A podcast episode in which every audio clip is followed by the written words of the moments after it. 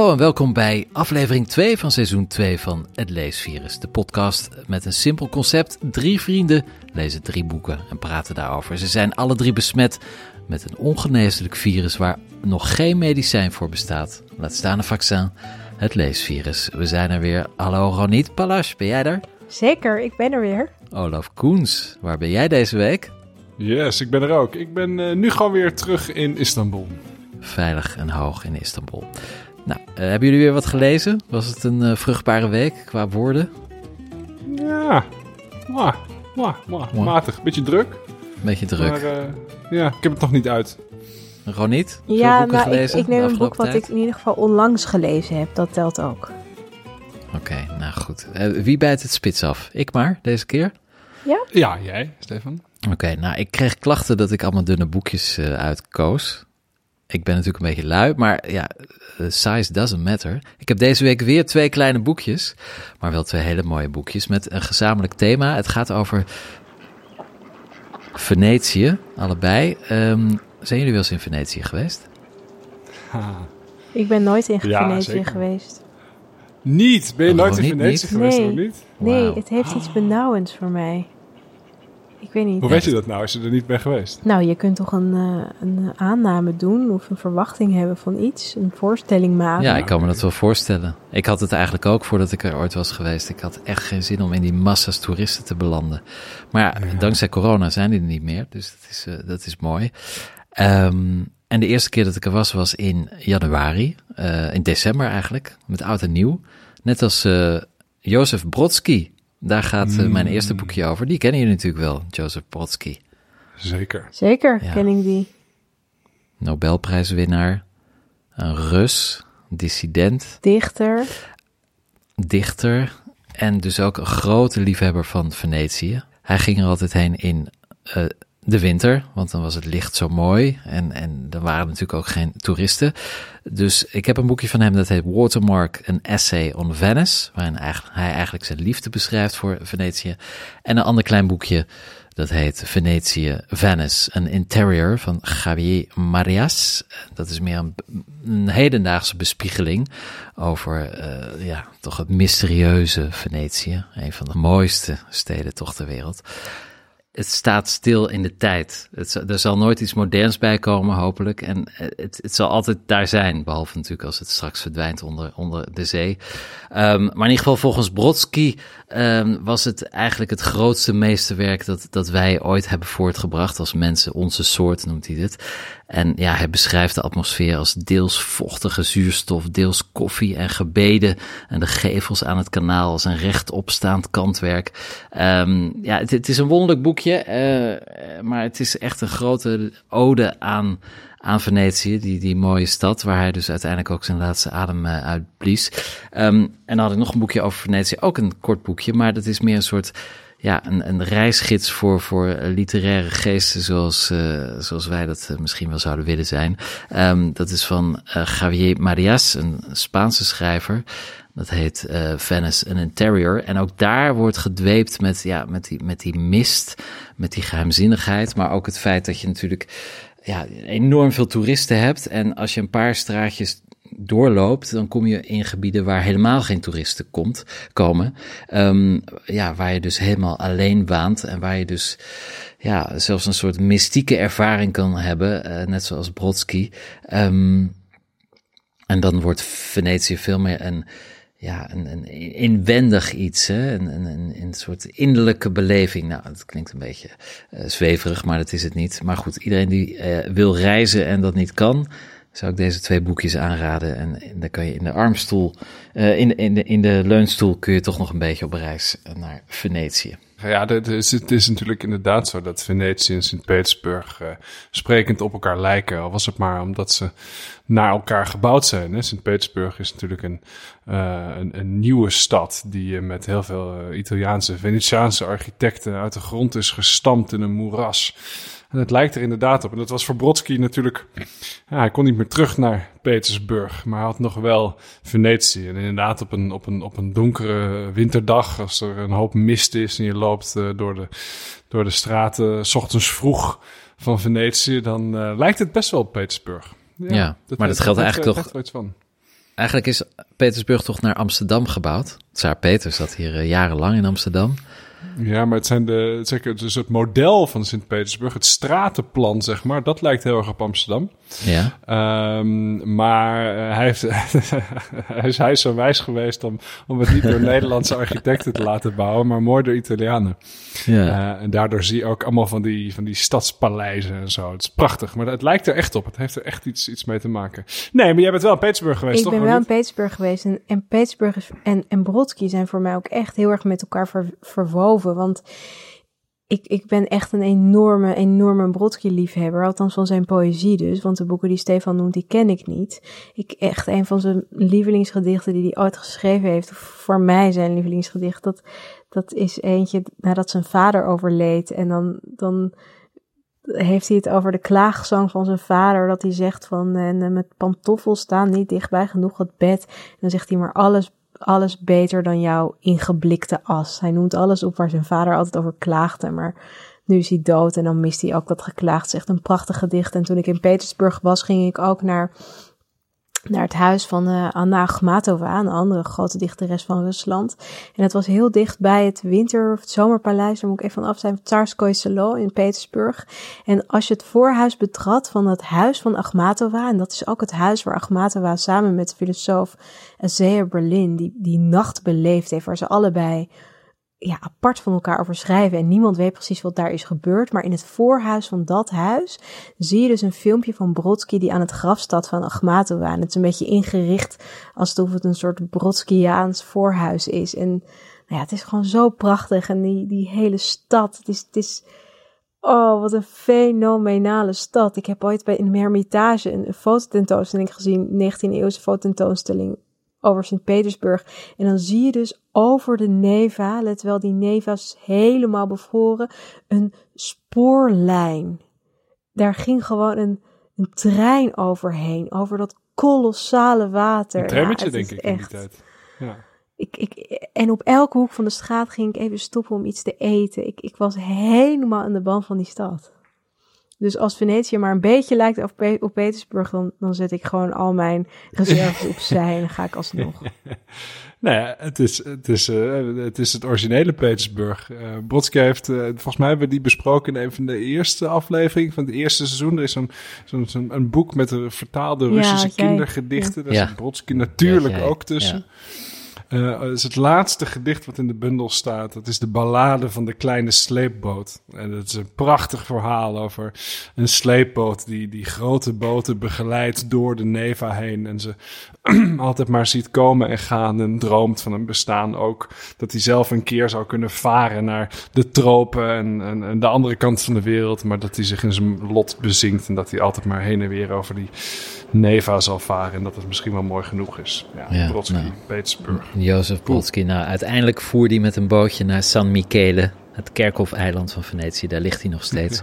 Naast uh, Igor Stravinsky, Ezra Pound uh, en Tine ook, de vrouw van Multatuli. Uh, ik zie mezelf ook daar wel liggen op een goede dag. Maar in ieder geval Jozef Brodsky dus. En Javier Marias.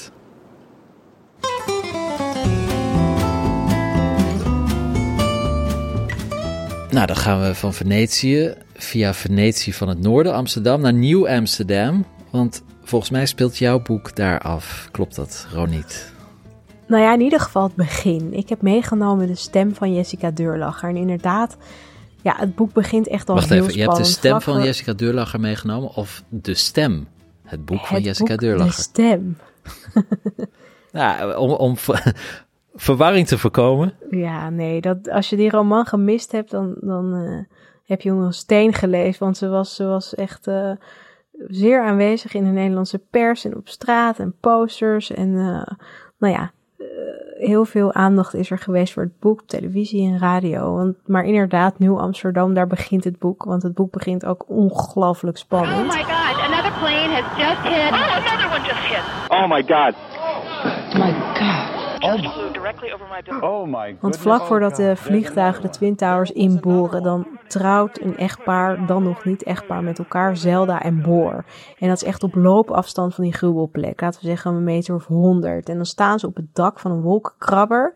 En die kinderen zijn ook aanwezig bij dat huwelijk. Nou, en dan voltrekt zich dus die kolossale ramp en vlucht het gezin weg tussen de lijken, de overblijfselen, verschrikkelijk. En je wordt meegenomen in die openingsscène alsof je werkelijk denkt dat de schrijfster daarbij was. Wat iedereen vervolgens ook dacht, las je in de interviews. Maar dat was dus niet zo.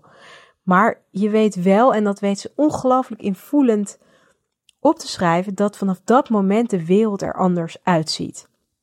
Nou, die Zelda heeft een hele duidelijke en pregnante stem in het boek en een ongelooflijk scherp, ja, psychologisch inzicht. Ze zit werkelijk alles continu te beredeneren, te bevragen, te analyseren. Ik hou daar heel erg van. En voortdurend vraagt ze zich af wie zij is in de wereld, wie zij zijn als gezin in de wereld, hoe mensen zich verhouden nou ja, tot de wereld waarin ze leven en hoe je aan de goede kant kunt staan in een wereld die ook zo kwaad is eigenlijk. Nou ja, dan gebeurt er iets heel wonderlijks, want op een bepaald moment dient zich een oppas aan in dat gezin van Zelda en Boor. En dat is een bloedmooie, zwarte, jonge vrouw, waardoor Zelda meteen geïntrigeerd is. Maar Zelda uh, uh, komt uit een door de oorlog getraumatiseerd gezin. De oorlog is natuurlijk ook altijd weer een thema in, in haar werk, al dan niet op de voorgrond. En deze Amal, zoals ze heet, is moslima, draagt een hoofddoek. Dus dat geeft al een beetje aan dat ze ja, uit twee verschillende werelden komen. Maar die Zelda die vindt deze Amal ontzettend boeiend en mooi en slim. En dan blijkt ze niet alleen een geweldige oppas te zijn, mooi en slim, maar ze blijkt ook nog eens ontzettend mooi te kunnen zingen. Nou, en dan geeft Amal zich op voor zo'n ja, The Voice-achtige show, De Stem. En dat past natuurlijk niet heel erg bij haar achtergrond. Maar je ziet ook, hè, er ontwikkelt zich echt een, ja, een enorme band in dat gezin met deze Amal. Dus de kinderen hebben een band, maar ook Boor en Zelda, ieder op hun eigen manieren. En daar zitten natuurlijk ook weer allemaal spannende verhaallijnen in. Maar die, die Amal leest een boek daar ga ik helaas niks over zeggen. Daarvoor moet je het boek natuurlijk lezen. Maar die Boer is schrijver en die heeft ook een boek geschreven in naam van de reden. Waarom we het niet moeten hebben van Yahweh, Mohammed, Christus of Boeddha. Nou, en die Amal leest dat en dat lijkt ook wel een soort van motor te zijn, waardoor zij ook wat redelijker wordt, lijkt het wel. Met redelijk bedoel ik minder islamitisch. Nou, en dan gaat ze dus meedoen aan die stem, aan die show, de stem. En tijdens de auditie doet ze iets krankzinnigs. En dat kan ik wel vertellen wat ze doet, omdat dat ook op de flaptekst staat van het boek. Want dan gooit ze die doeken van haar hoofd af. Dus tijdens die auditie ontbloot ze zichzelf als het ware in, ja, gewoon kleding zonder die hoofddoek. Dus ze gooit haar die doek van haar hoofd en neemt zo eigenlijk letterlijk en figuurlijk ja, toch een beetje afstand van haar achtergrond. Nou, dat is eigenlijk best wel actueel. Um, met het oog op, op alle controverse die er ontstaan is na uh, het boek van La Legule. Ik wil leven, want ook deze Amal wordt bedreigd, heel heftig bedreigd, dat islamitische hoek. En dan gaat ze natuurlijk ergens moeten onderduiken, zullen we het maar even noemen. Of in ieder geval moet ze beschermd worden. En waar anders dan bij de familie waar ze oppast, bij Zelda en Boor. Nou, en wat echt super belangrijk is in het boek is de rol van goed en kwaad en hoe je aan de goede kant van de geschiedenis kunt staan. Hoe je kunt weten dat je goed bezig bent en hoe je mensen wil beschermen, ook als dat soms niet kan of ook als dat heel erg moeilijk is. En dat is echt wel thematiek die heel erg veel in Jessica Deurlachers oeuvre eigenlijk speelt, altijd. Hoe bescherm je de mensen van wie je houdt? Dat is eigenlijk het, ja, misschien wel het belangrijkste thema uit het boek. Uh, want er gebeuren dus vreselijk spannende dingen. Die vind ik dus ontzettend goed zijn opgeschreven. Met name die eerste scène is ongelooflijk. Maar ook die apotheose die ze echt opbouwt, is echt heel erg knap gedaan. Daarbij moet natuurlijk vermeld worden dat Amal geïnspireerd is op de figuur Ayaan Hirsi Ali, met wie het gezin Leon de Winter, Jessica Durlacher heel erg bevriend was. En ook echt voor haar ja, gestaan heeft, gezorgd heeft in een tijd dat het heel erg moeilijk was en zij heel erg ernstig werd bedreigd. Maar omdat iedereen, omdat ze dat ook heeft verteld in interviews, denkt iedereen weer één op één dat die Amal Ayaan is. En dat Ayaan dus ook in, in dat tuinhuis bij Deurlacher de Winter heeft gezeten, maar dat is helemaal niet zo. Dus dat is best wel grappig hoe ze daarmee speelt. En ik vind dat ze dat heel goed doet. En ik vond het echt opvallend dat dit boek zo wisselend is ontvangen. Met name NRC was krankzinnig negatief over het boek. En had ook een soort hele rare, vond ik, politieke recensie ervan gemaakt. Terwijl ik dat boek helemaal niet als een politiek statement las. Maar juist als een hele spannende psychologische roman van formaat. Die ook nog eens ontzettend ja, aangrijpend is. Dus ook ontroerend, maar dus ook heel spannend. En volgens mij moet je het boek vooral zo lezen en helemaal niet met politieke ogen, maar met literaire ogen. En ja, in de Volkskrant had ze vier sterren, was het echt fantastische recensie. In de Groene Amsterdammer ook. Maar het is heel interessant om te zien hoe wisselend mensen daarop reageren. Ik heb er zelf ontzettend van genoten. Ik heb het aan heel veel mensen cadeau gedaan. Uh, ik ken Jessica ook goed, dat moet ik er natuurlijk wel bij zeggen. Dat heeft, heeft niets te maken met hoe goed het, ja, ik het boek vind. Maar wel dat ik vanaf begin af aan betrokken ben geweest bij het verhaal. En toen ik het eenmaal las, ik ja, ongelooflijk verrast was door, door de kracht van de vertelstem. En door dit zo heftig psychologische inzicht ook van die vrouw. En ik, dat heeft me echt, uh, ja, het heeft me echt geroerd, het verhaal. Het heeft me aangegrepen. Ik vind het heel mooi geschreven en krankzinnig spannend. Wat, wat is haar band precies met uh, Ayaan Hirsi Ali uh, van Jessica Deurlacher in het echte leven? In het echte leven zijn ze bevriend. Dus ze hebben uh, zeker in de tijd dat Ayaan ja, in Nederland heel erg onder vuur kwam te liggen en heel erg bedreigd werd, hebben zij als echtpaar, dus Deurlacher de Winter, ook heel erg voor Ayaan gezorgd en met haar gesproken over alles wat haar ten deel viel in Nederland. En ja, gewoon een vuist voor haar gemaakt, zeg maar, echt ter bescherming van haar, omdat ze best wel in de steek werd gelaten door veel mensen. En um, ja, met een hele grote groep mensen hebben ze voor haar gezorgd. Je verwacht dat er affaires ontstaan, toch? Ja, daar heeft ze ook wel een en ander over verteld in interviews. Dat dat uiteindelijk af en toe ook een beetje opportunistisch voelde in de zin van dat zij zich een beetje, ja, haar familie ook waande hier in Nederland. Maar toen bleek, toen zij naar Amerika vertrok, dat um, dat ze nog heel veel van dat soort families eigenlijk erop nahield. Dus dat zij een enorme gave had om allemaal mensen om zich heen te verzamelen. Ja, die zich om haar bekommerden. Daar was zij heel goed in. En toen ze eenmaal vertrok naar Amerika en echt groot werd. En die verhaallijn zit er ook een beetje in in het boek tegen het einde. Als zij politica wordt en nou ja, et cetera. Dan zie je ook ja, dat ze een, een, ja, wat verwijdering heeft met de mensen die haar hier zo beschermd hebben en ook groot hebben hm. gemaakt. Hey, en politiek of niet, uh, als het begint met 9-11, waar, waar, waar, waar, eindigt het dan?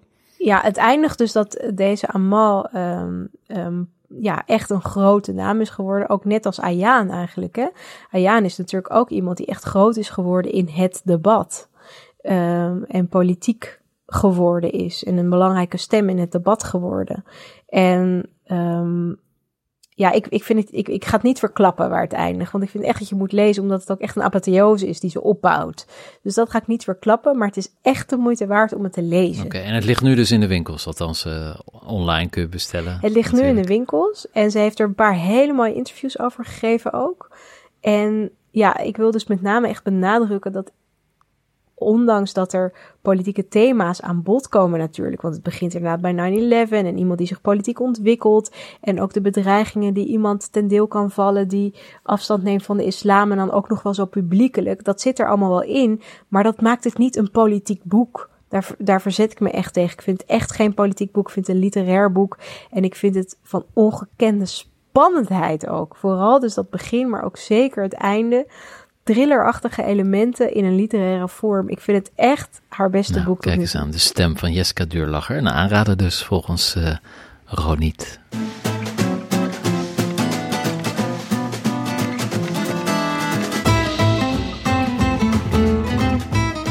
Nou, dan hebben we nog uh, Olaf over in Istanbul. Wat heb je deze week op je nachtkastje liggen? Nou, ik, ik, was, een, eh, ik was afgelopen week in, uh, in Egypte. Uh, en toen. Jij mag wel reizen. nou, mag, mag. ik mag ja, je kan reizen naar landen waar corona zo ongeveer niet bestaat. Dus ik was de afgelopen week in Rusland. En ik ben Ja. vanuit Moskou naar eh Cairo gevlogen. Eh, en het, is- het is heel fascinerend. In Rusland, eh, ja, de corona bestaat bijna niet meer. Alle cafés, restaurants zijn open. Mensen staan als vanouds in je nek te hijgen in de metro. Eh, en een beetje hetzelfde in Cairo. Ehm, ja, alles is open. Ik heb gewoon in, restaurants gezeten. Eh, er zijn wel eens, je ziet wel eens mensen met een mondkapje. Maar dat is echt eh, een uitzondering. Ja, eh, hoe, hoe kan dat? Weet ik ook niet. Eh Egyptenaren zeggen zelf, ja, luister, wij drinken water uit de Nijl, dus we zijn overal immuun voor. Ik denk dat het ermee te maken heeft met dat het een ontzettend jonge bevolking is. Ehm, en dat je als je ouder wordt dan 60, ja, dan heb je het sowieso al goed gedaan, zeg maar, in, in Egypte. Ehm, maar goed, ik, ik was dus in Egypte. Laten we het niet over, over eh, de, de virussituatie hebben, want dan worden jullie heel jaloers. Ik kan ook opnoemen in welke restaurants ik allemaal heb gezeten. Nee, nee, nee, nee, nee. nee, gaan we niet doen. Ehm, Oh. het, eh, het, eh, toen, toen kwam de vraag, ja, welk, welk, welk boek gaan we bespreken? En ik wist het eigenlijk niet. Ik, ik zat er een beetje over na te denken. Ik liep over straat en toen liep ik eh, een paar... Najib Mahfouz. Nou, bijna. Bijna. Ik liep een paar straatjes eh, van mijn hotel in downtown. En toen kwam ik langs de Automobielclub van Cairo. En toen dacht ik, dat oude pand, dat is ook zo. Daar is een fantastisch boek over geschreven door Ala al-Aswani. Ehm, die heb ik hier bij me. Het is alweer een jaar of vijf, zes geleden uitgekomen, denk ik. Toen heb ik het ook gelezen, dus er staat me niet... Nou, ik heb er net nog eens in, zitten bladeren. Ehm, het staat me niet heel scherp meer voor de geest wat er nou Is precies hij in van is. de Jacobian? Yes, dat is ook de schrijver van het Ja. Jacobian. Ja, ja, en ja, het ja, ja. Jacobian gaat Oh, ook over een, een pand. En dit gaat dus over de Automobielclub van Cairo. En die bestaat dus echt. Dat is de Egyptische ANWB. En dit boek speelt in de tijd dat... eh, Die, die zullen het druk hebben. die Vroeger, als, als, als mijn vader, eh, als ik reed met mijn vader in de auto en iemand kon niet rijden, dan zei hij, dan schreeuwde hij, je hebt zeker je rijbewijs in Egypte gehaald. Dus dat komt er waarschijnlijk van Ja, maar die dat is echt waar, hè? automobielclub. Want, nee, maar dat is echt waar. Want mensen stappen in Cairo dus niet meer uit de auto als ze een ongeluk maken. Omdat het gewoon iets is wat bijna dagelijks voorkomt. Je hebt ook niet echt fatsoenlijke stoplichten. Althans, toen ik er naartoe ging, dat was mijn eerste reis alleen met een vriendin. Ik was 17 en ik had maar één droom en dat was naar Egypte. Er waren geen stoplichten. Ja, er zijn wel af en toe stoplichten, maar die zijn een beetje ter indicatie. Zeg maar. Gewoon voor mij. Ja, Ter herinnering. Of, ja, of, of meer ter illustratie. Het geeft wat kleur stad. Nou goed, de automobielclub van Egypte dus. Vertel, Olaf. Dat boek dat gaat over die club, de Automobielclub van Cairo. Dus de, ja, de, de, de ANWB. Dit speelt in de jaren 40, toen het hebben van een auto natuurlijk nog echt iets was van de elite. En de elite, dat was natuurlijk vooral de Britse elite. En in die club, en je hebt heel veel van die clubs, die zijn er tot op de dag van vandaag. In die club in de jaren 40, ja, daar wordt gepokerd. Daar zitten de buitenlanders op de bovenste verdieping eh, te discussiëren. Die roken, die dansen, daar zijn feesten. En daar zijn Egyptenaren, gewone Egyptenaren, die daar moeten werken. Ehm, het personeel van de automobielclub van Cairo wordt geterroriseerd door ehm, eh, de assistent van de koning van Egypte, die ook graag in de automobielclub komt kijken. Eh, en het gaat eigenlijk over sociale ongelijkheid. Gebeurt van alles. Uh, een van de hoofdpersonen wordt, komt, krijgt een hartstilstand uh, door de stress op zijn werk, doordat hij zo vreselijk vernederd wordt door de assistent van die koning. Um, en dan worden zijn zonen ter compensatie ook daar aan het werk gesteld. Die mogen dan zich daar afbeulen ter uh, lering en vermaak en voor de plezier van die westerlingen die daar, die daar zitten te dineren. Het boek is heel, heel vreemd, heel bijzonder. Het, het, het, het, het is eerst een geschiedenis van de, de ontstaansgeschiedenis van Mercedes-Benz hoe dat precies is ontstaan. Hoe de, de uitvinder van de auto uh, um, voor het eerst in de prak reed. En toen zijn vrouw een demonstratie heeft gehouden. En het, ja, het neemt je echt mee naar, naar het Cairo van toen. En eigenlijk verschilt dat niet zoveel van het Cairo van nu. Want ook, dan ga ik je toch vertellen waar ik heb zitten eten. Maar ik ben bijvoorbeeld wezen eten in, in de Greek Club. De Griekse Club. Dat is een soort, uh, ja, een, een, pand van de Griekse vereniging. Uh, die bestaat nog steeds. En nu is dat een heel leuk, hip uh, plekje waar je rustig bier kan drinken en zo. Um, die clubs die bestaan er nog steeds. Maar het was in de jaren 40 natuurlijk iets van een totaal andere orde. Um, Het, het, het, is een, een mooi. Um, er zit een soort hele mooie parallel in. Uh, dit gaat natuurlijk over de koloniale in zekere zin. Hè? Europese meesters, uh, donkere slaven of bedienden. Maar in zekere zin vroeg ik me af toen ik dus weer aan het boek dacht uh, en toen ik daar rondliep.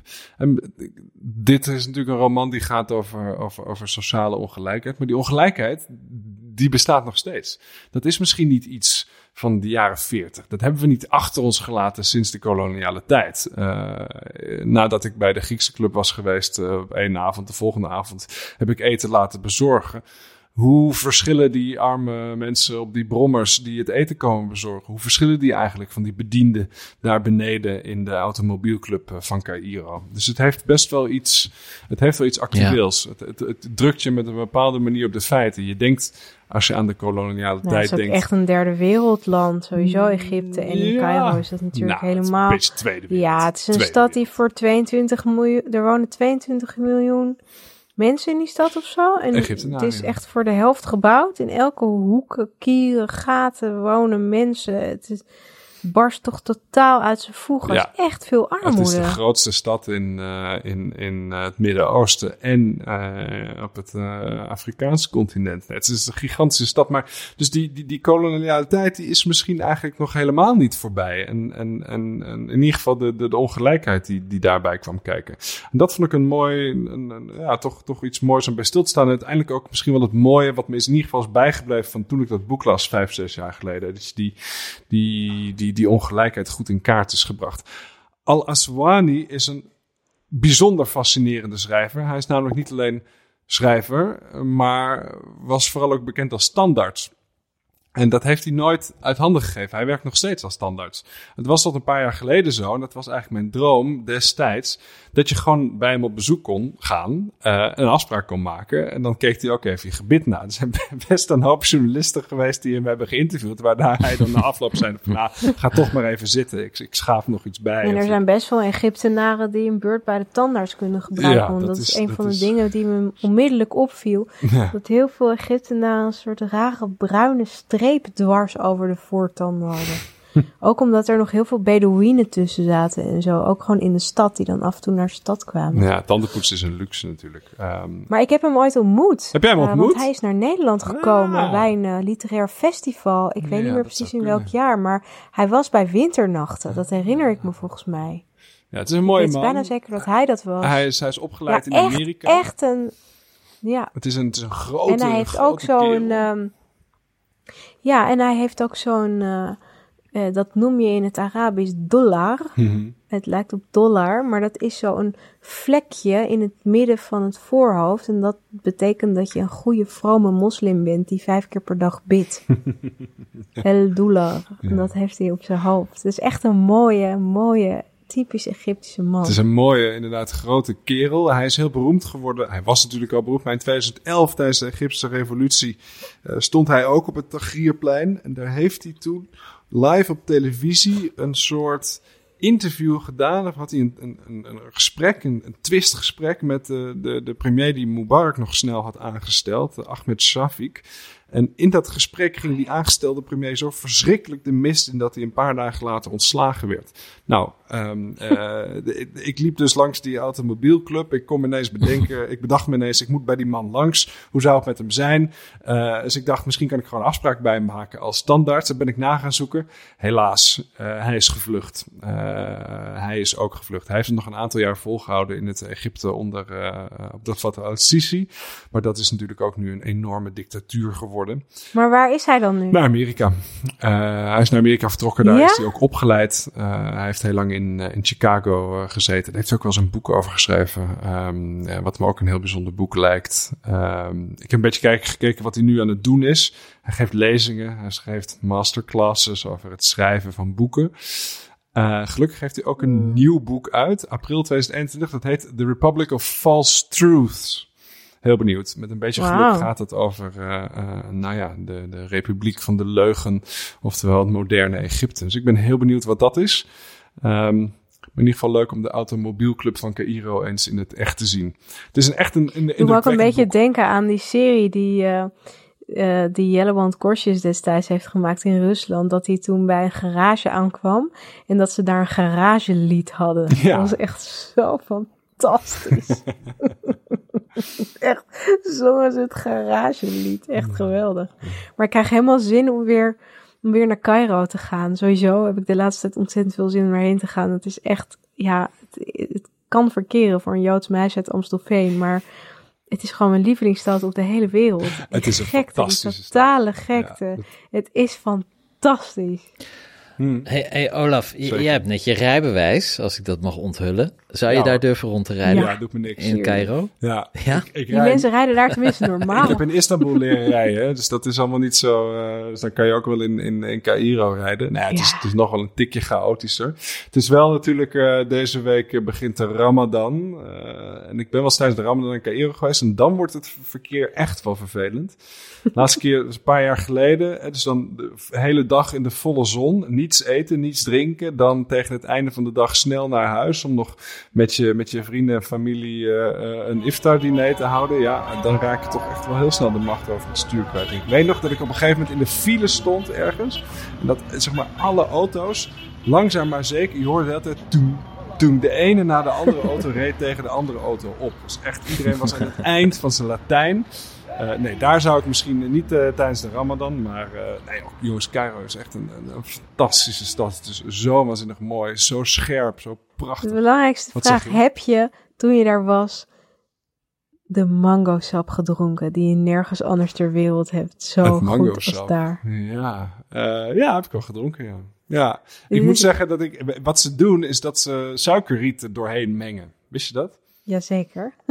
Waarom denk je dat niet zo lekker is? maar dat is, dat is goed nieuws voor Ala Al Aswani, want dan moeten ze allemaal naar de tandarts. Ja, daarom moeten ze allemaal naar de tandarts. ja, nee, dus een mango sap bestaat voor 20% uit mango en 80% uit oh, suiker. Zo lekker. Het is vast een complot. Nou, lieve luisteraar, wilt u ook hartkloppingen krijgen over Cairo? Lees Allah Al Aswani, de automobielclub van Cairo. Leuk. Okay. Dankjewel, Olaf Koens. Dank je ook, Ronnie Palasch. Dit was het weer voor het Leesvirus.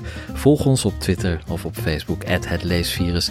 En stuur ons een berichtje als je iets leuks te melden hebt of als je commentaar hebt. Was je handen, eh, bel de GGD om te kijken of je je kunt laten vaccineren. Draag een mondkapje en eh, lees een boek. Tot de volgende keer.